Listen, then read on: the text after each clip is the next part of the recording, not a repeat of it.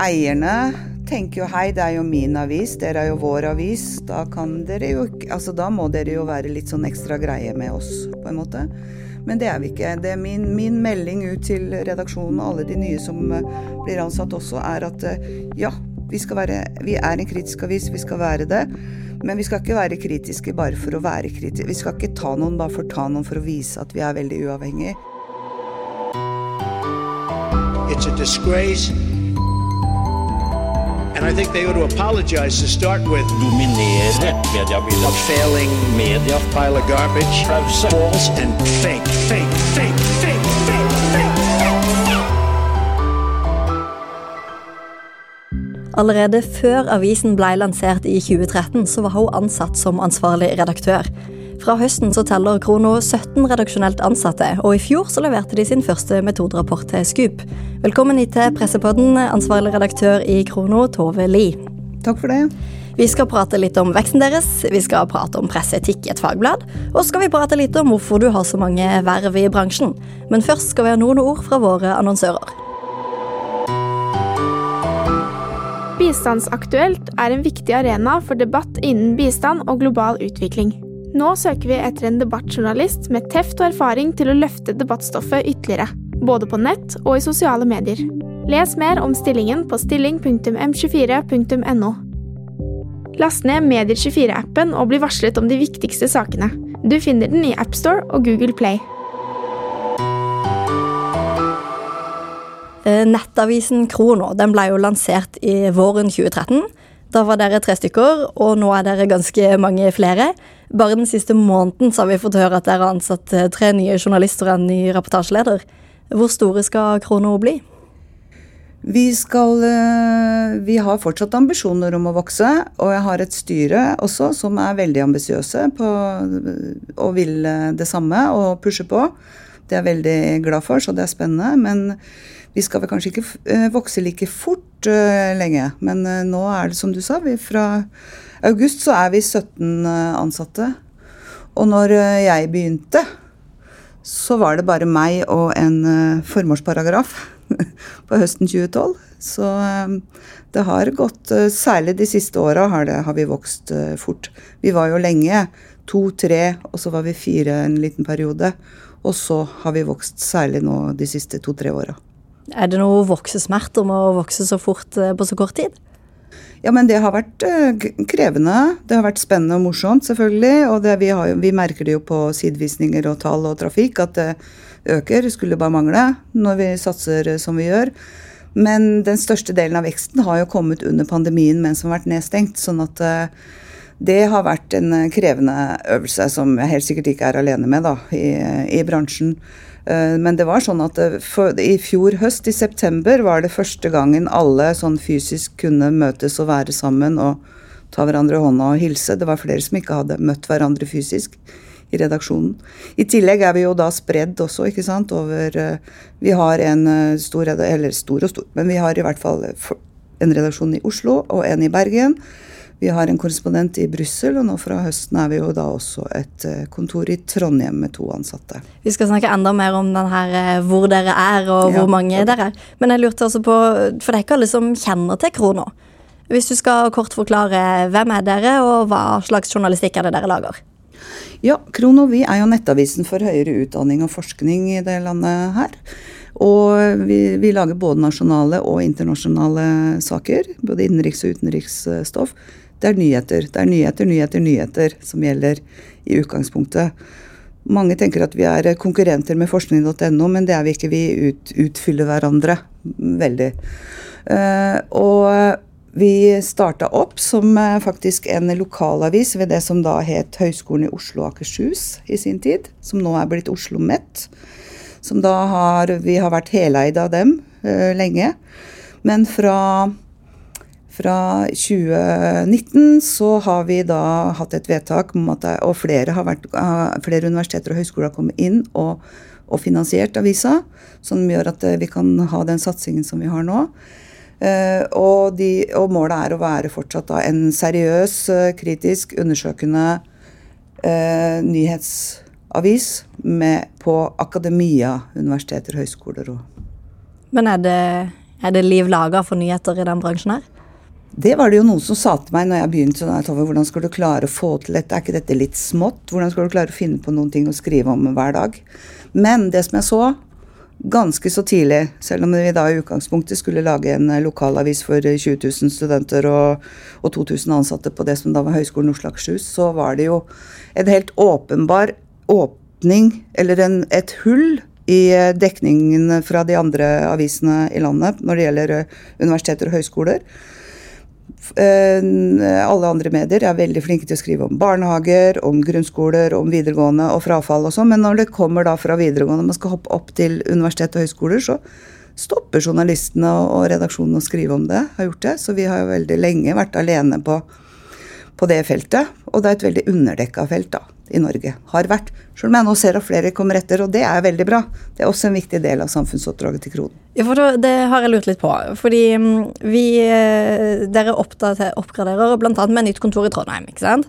Og ganske nylig så skrev vi i Medie24 at eh, to av journalistene som kan begynne å dere, de jobba i universitetsaviser før. Og da sier jo han som er redaktør i universitetsavisa på NTNU, at han merker eh, konkurransen deres eh, derfra. Så hvis vi først tar for oss, hva er måte målet deres med å etablere dere f.eks. i Trondheim? Um, målet for Krono har vært det fra den vi da fikk med flere på eiersiden, eller på finansieringssiden, eh, er jo å ha en stor nasjonal satsing på stoffområdet. Det skal være en, en, en gratisavis da, med, med kvalitet og seriøsitet og uavhengig journalistikk. Eh, I mye større grad enn at vi da tidligere skulle ha hovedfokus på de lokale tingene. Så det er jo et sånn fellesløft i, i, i kunnskapssektoren på en måte, som det ligger an til her. Så er det jo noen av universitetene fra før som har, har, eh, har og hadde sine egne aviser, og, og Universitetsavisa er jo en av dem. Og jeg la mer også merke til at eh, redaktøren i Universitetsavisa sa det sammen uh, når jeg leste lenger nedover i saken deres, så sa han det med glimt i øyet. Det med at vi rapper eh, ansatte der. Fordi at eh, konkurrentene til Krono Selvfølgelig, vi konkurrerer jo om eh, de gode sakene fra NTNU også. NTNU er jo landets største universitet, så selvfølgelig skal vi ha god dekning der.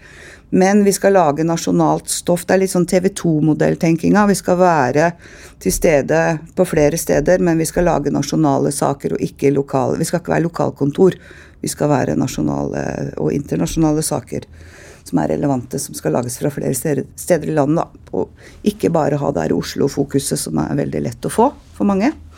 Det er målet. Og konkurrentene våre, det er dagsorden Vi vil gjerne være dagsordensettende, så da må vi opp og konkurrere på linje med type ja, NRK og VG og Aftenposten og de store. Det er der vi skal være. Åssen har det vært fra å være så vidt tre ansatte til å nå prøve å menge seg med, ja, med NRK, VG, Aftenposten? Det har jo vært en sann svir, da. Det har vært morsomt. Det har vært en eh, fantastisk eh, reise, som jeg sa. Det var jo bare meg der. Visste ikke engang hva den avisa skulle hete. Lenge gikk vi jo bare under eh, Eller når vi da fant fram til krononavnet, som da også er skrevet på en veldig vanskelig måte. Eh, Så jeg til og med når vi var eh, nominert til en sånn pris for noen år siden på medieprisene, så hadde de ikke klart å skrive navnet vårt riktig på det der når de kom opp på skjermen på under prisutdelinga en gang. Men det er, det er valgt på den eh, måten fordi at det var det eneste ledige domenet som var på akkurat det navnet, så det er veldig sånn praktisk. Men det handler jo om tiden og tidsgud og skrive om det som er i tiden. Og nå har jeg glemt hva det var du spurte om til å begynne med. Ja, det har egentlig jeg også, men det handler om dette med konkurranse. Ja. eh, Fra den starten dere hadde til eh, å hevde seg Du sier dere skal sette dagsorden. Ja. Hvordan setter Krono dagsorden? Jo, men vi setter jo dagsorden fra et uh, område som Eller fra som noen kaller det, en blytung eh, sektor. Det kan hende det er derfor at det er mange journalister og, og mediehus som også har holdt seg unna uh, universitetene og høyskolene fordi at det kan virke tungt og vanskelig og akademisk og, og sånn. Men det er jo desto viktigere å, og skrive forståelig og, og riktig og sant og kritisk fra den bransjen, eller sektoren som da har 40 milliarder kroner som de, som de driver og, og forvalter og styrer med, og stadig flere tar jo høyere utdanning. Man vil jo at er flere skal inn i høyere utdanning også, sånn at det er jo relevant eh, for mange.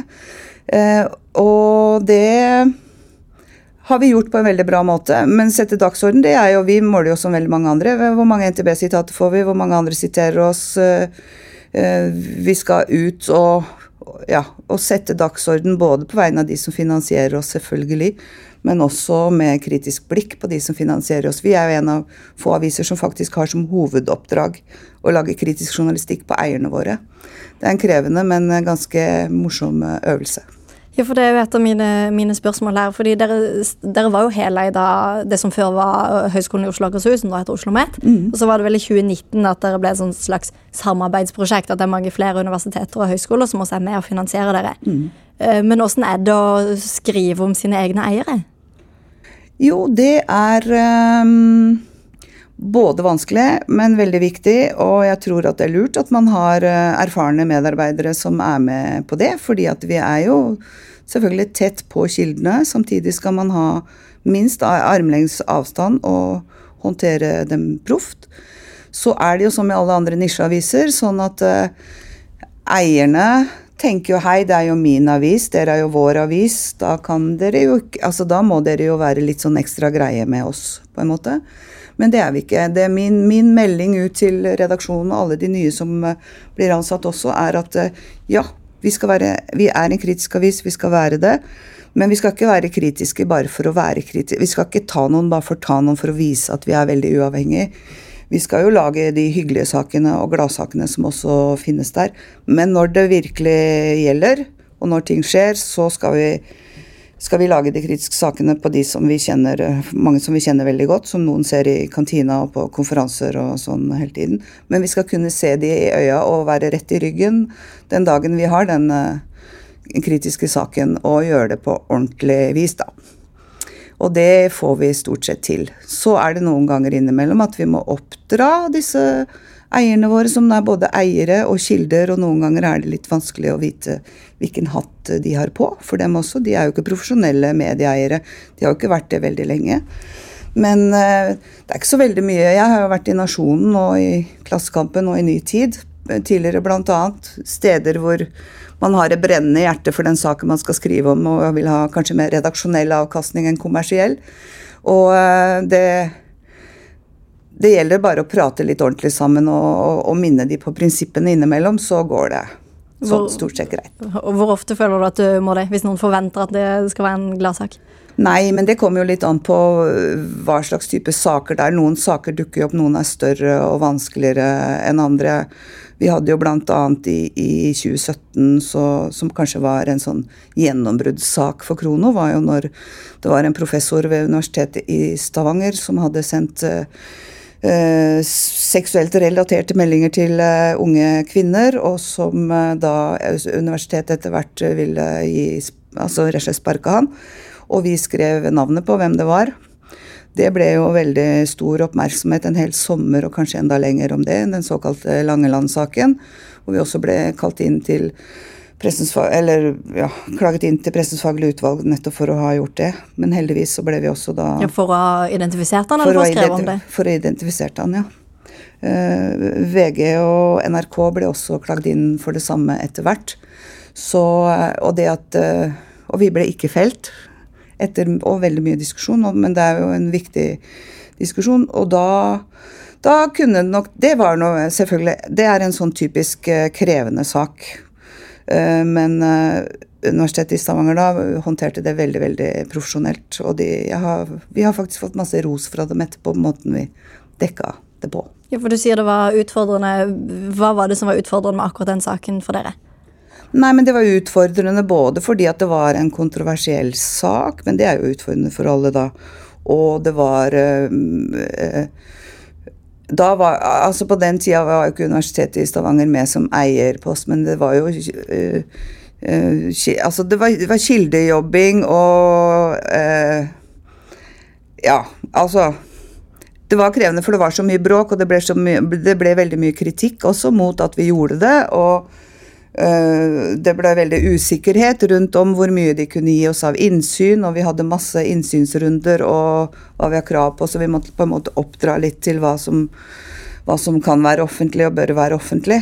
Det som er fint med den eh, sektoren som jeg, dek- eller vi i Krono dekker, er jo at eh, i utgangspunktet så er det på de eh, statlige universitetene så skal jo alt i utgangspunktet er det offentlighetsloven som gjelder, og alt skal være offentlig, men de prøver jo å ikke gjøre alt offentlig. Det var jo, mange, det var jo noen styresaker som ikke var offentlig, og noen ganger så handler det om, handler det også om at de har styremøter uten at vi vet om det. De glemmer å legge ut og informere om når ting er og sånn, fordi at de er redde at Krono skal komme inn og se på det. Det gjelder ikke Stavanger, men det gjelder jo andre.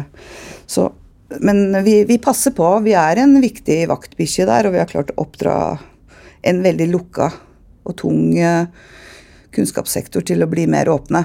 Og det syns jeg er viktig, og det fortsetter vi med hver eneste dag. Ja, Du sier dere oppdrar de, eller må minne de på når de i gåsøyn glemmer å, å melde dere inn. Eh, Du brukte ordet tidligere i dag at det er en blytung eh, sektor. Hvordan er disse kildene å jobbe med? For det høres jo ut som de ikke nødvendigvis er så veldig medievante. Eh, Mange er, ikke, mange er profesjonelle kilder på en måte, men likevel ikke medievante. Da, men da, da, det er jo litt forskjellig om hvilket nivå man er på, fordi at du har jo type den evige problematikken med forskere kontra journalister, som eh, det er liksom opplest og vedtatt skal være en eh, skepsis imellom, eller ikke sant. Journalistene kan veldig mye Nei, journalistene kan litt om mye, mens forskerne kan veldig mye om litt. Ikke sant? Og der kan det jo ofte bli krasj når man skal lage saker og få kommentarer og hva liksom er riktig og ikke. Og at, eh, så, så det er en problemstilling som jeg syns vi ikke er oppi så mye, men det er mer når vi kommer opp på ledelsesnivå.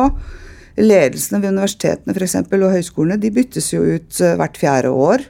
Eller de er på valg, eller de ansettes på nytt hvert fjerde år. Kommer nye folk inn, og ikke alle er like vant til å bli, bli sett i kortene, eller syns at vi maser mye, eller hei, skal dere bry dere om det, og vi sender pressemelding, og altså, ja, ikke sant. Det er den eh, Det er kanskje ikke alle rektorene, f.eks., eller prorektorer eller dekaner, eh, som er liksom hakket under der igjen av ledelse, som er like vant til å ha med medier å gjøre, da. Det merkes. Men der har vi Vær varsom-plakaten som vi går etter, og vi håndterer de som ut, utrente kilder. og er... eh, Så i hovedsak går det bra. Bistandsaktuelt er en viktig arena for debatt innen bistand og global utvikling. Nå søker vi etter en debattjournalist med teft og erfaring til å løfte debattstoffet ytterligere, både på nett og i sosiale medier. Les mer om stillingen på stilling.m24.no. Last ned Medier24-appen og bli varslet om de viktigste sakene. Du finner den i AppStore og Google Play. Vi ser jo at, at det på en måte kommer mer og mer nisjemedier eh, framover. Altså sånn, det, er, det er mye nysatsinger, og det er flere og flere fagblad som retter seg spesifikt mot enkelte nisjer.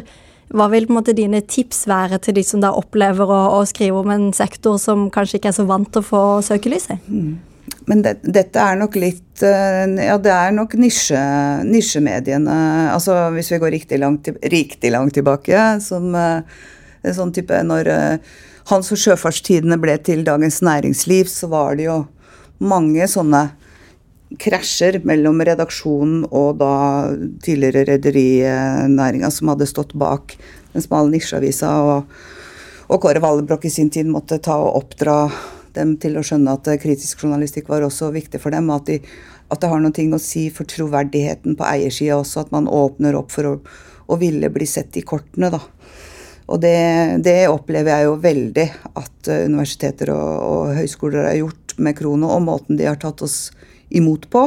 Og nå er, er med og finansierer, og også driver og lager nå langsiktige planer for, eh, for finansiering videre. Så det er Det syns jeg er veldig bra. Og det skulle jo bare mangle. Det burde, altså, de som er, skal være de fremste forkjemperne for eh, ytringsfrihet, akademisk frihet og alt det her, bør jo og ja, det er veldig bra og riktig at de holder seg med en avis også.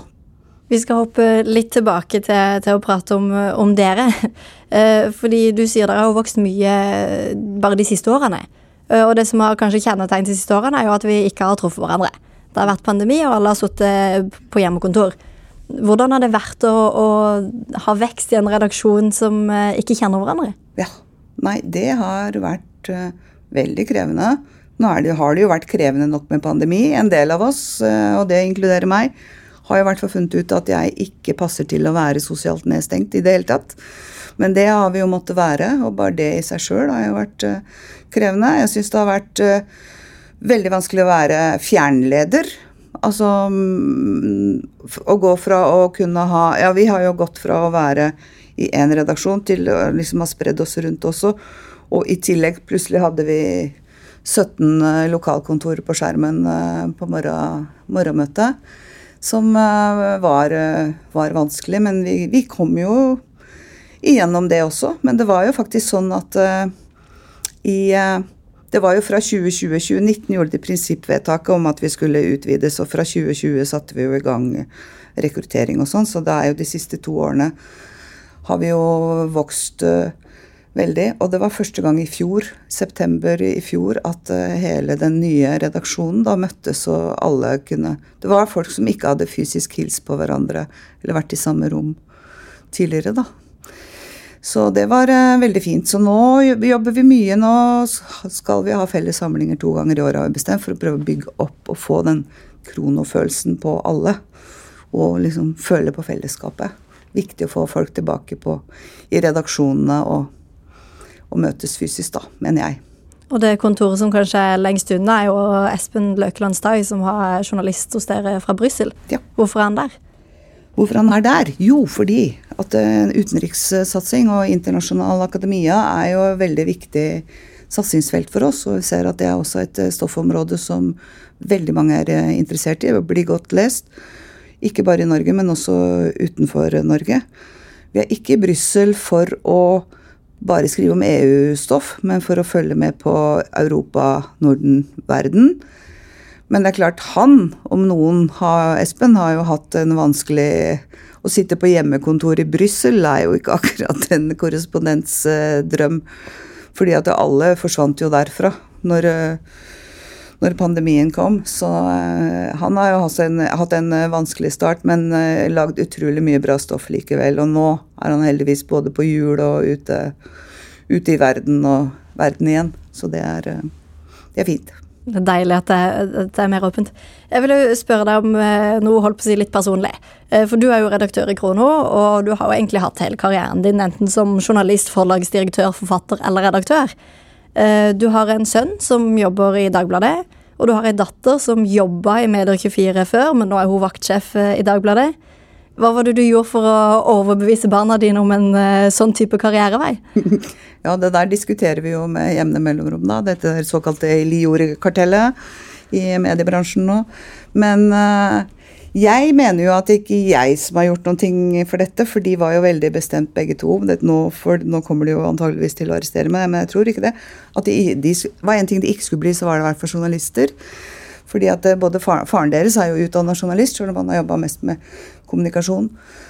Bestefar, eller Farfaren deres har jo da vært mange år i, kulturredaktør i Aftenposten. Og farmor eh, har vært eh, journalist i Vårt Land og diverse blader eh, rundt omkring. Og så var det meg, da, som har vært eh, og er journalist og redaktør. Men så bare smekka de inn etter at de hadde rota rundt litt. Så plutselig så var vi alle tre, eller begge mine barn og meg, var eh, journalister. Jeg syns jo det er veldig gøy. Vi har veldig mye å snakke om, og diskusjonene går høyt. Og det har jo bestandig De er jo vokst opp med aviser på frokostbordet og samfunnsengasjement og fra dag én. Så det ligger vel i genene. Det ligger i Jeg er veldig stolt av dem. Ikke sant, det ligger i genene de sine, men hva var det som gjorde at du sjøl hadde lyst til å bli journalist? Jeg var jo blad, og blad var jo blant de som ville redde verden. Uh, og fant ut at heller enn å bli politiker eller aksjonist eller et eller annet, så kunne man faktisk ha makt til å kunne i hvert fall utgjøre noe forskjell ved å, å, å eh, bli journalist. Men det tok litt tid før jeg skjønte at det var det jeg skulle bli, for jeg begynte jo på universitetet i, i Trondheim. og og alle spurte ja, ja, hva blir du når du går der, så det vet jeg ikke. De fleste blir lærere, og det vet jeg at jeg ikke skal bli. Men så kom jeg inn i studentmiljøet i Trondheim, som er veldig lett å bli sugd inn i. Og ble både journalist og redaktør i Studentavisa, så var det jo Da var jo Og så ble det sommerjobber i Klassekampen og diverse andre etter hvert, så det bare balla på seg. Det var helt riktig. Det bare ble sånn. Skulle jeg til å si løpet var kjørt, men det Ja, er kanskje det feil eh, Jo, formulering. sånn, ja. Da var banen lagt. Ja. Eh, og du er jo engasjert i, i flere ting. Eh, Du har vært eller du er styremedlem i Oslo Redaktørforening. Du sitter i juryen i Den store journalistprisen. Du har hatt flere juryverv eh, tidligere. Akkurat nå sitter du som vara i Pressens faglige utvalg. Og der er du innstilt til en ny periode. Hvorfor har du lyst til å være med akkurat der? Pressens faglige utvalg er vel kanskje det aller viktigste og mest interessante og veldig lærerikt verv, så jeg er veldig ydmyk og glad for at jeg blir spurt om å være med der.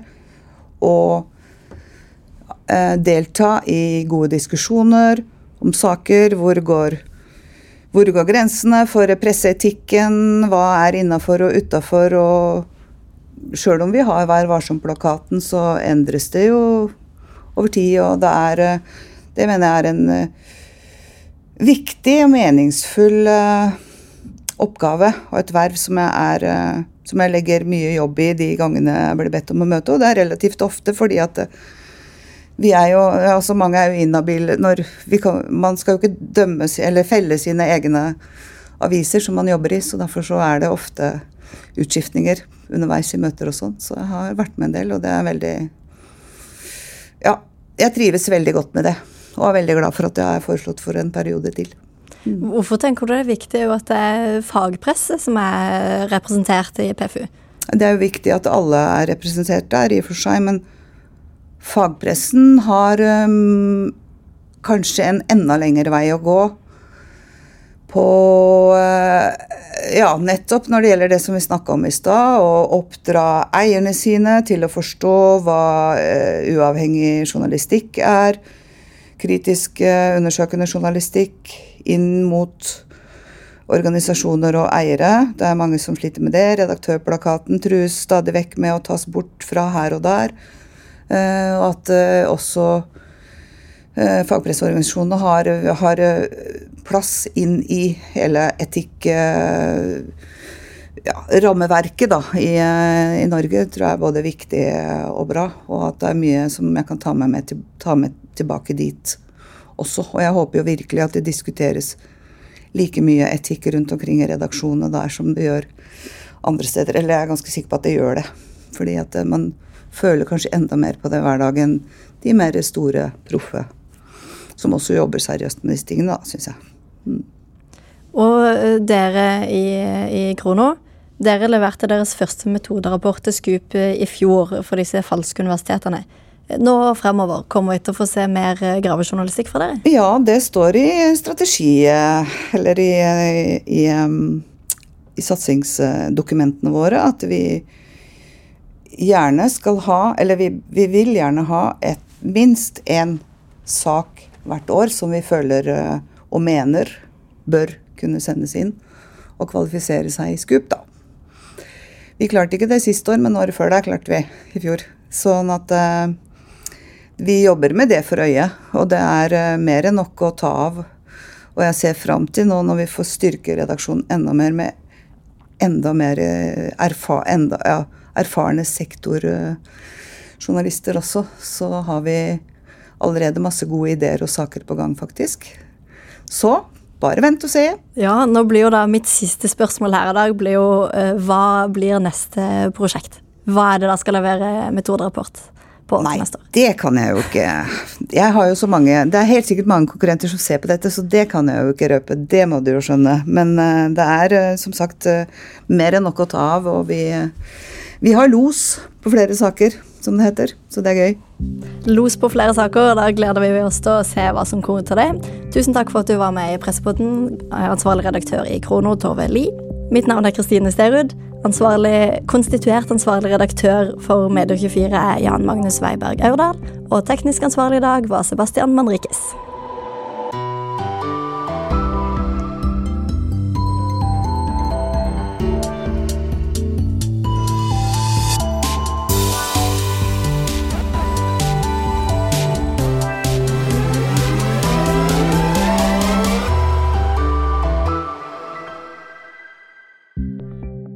Bistandsaktuelt er en viktig arena for debatt innen bistand og global utvikling. Nå søker vi etter en debattjournalist med teft og erfaring til å løfte debattstoffet ytterligere, både på nett og i sosiale medier. Les mer om stillingen på stilling.m24.no. Last ned Medier24-appen og bli varslet om de viktigste sakene. Du finner den i AppStore og Google Play.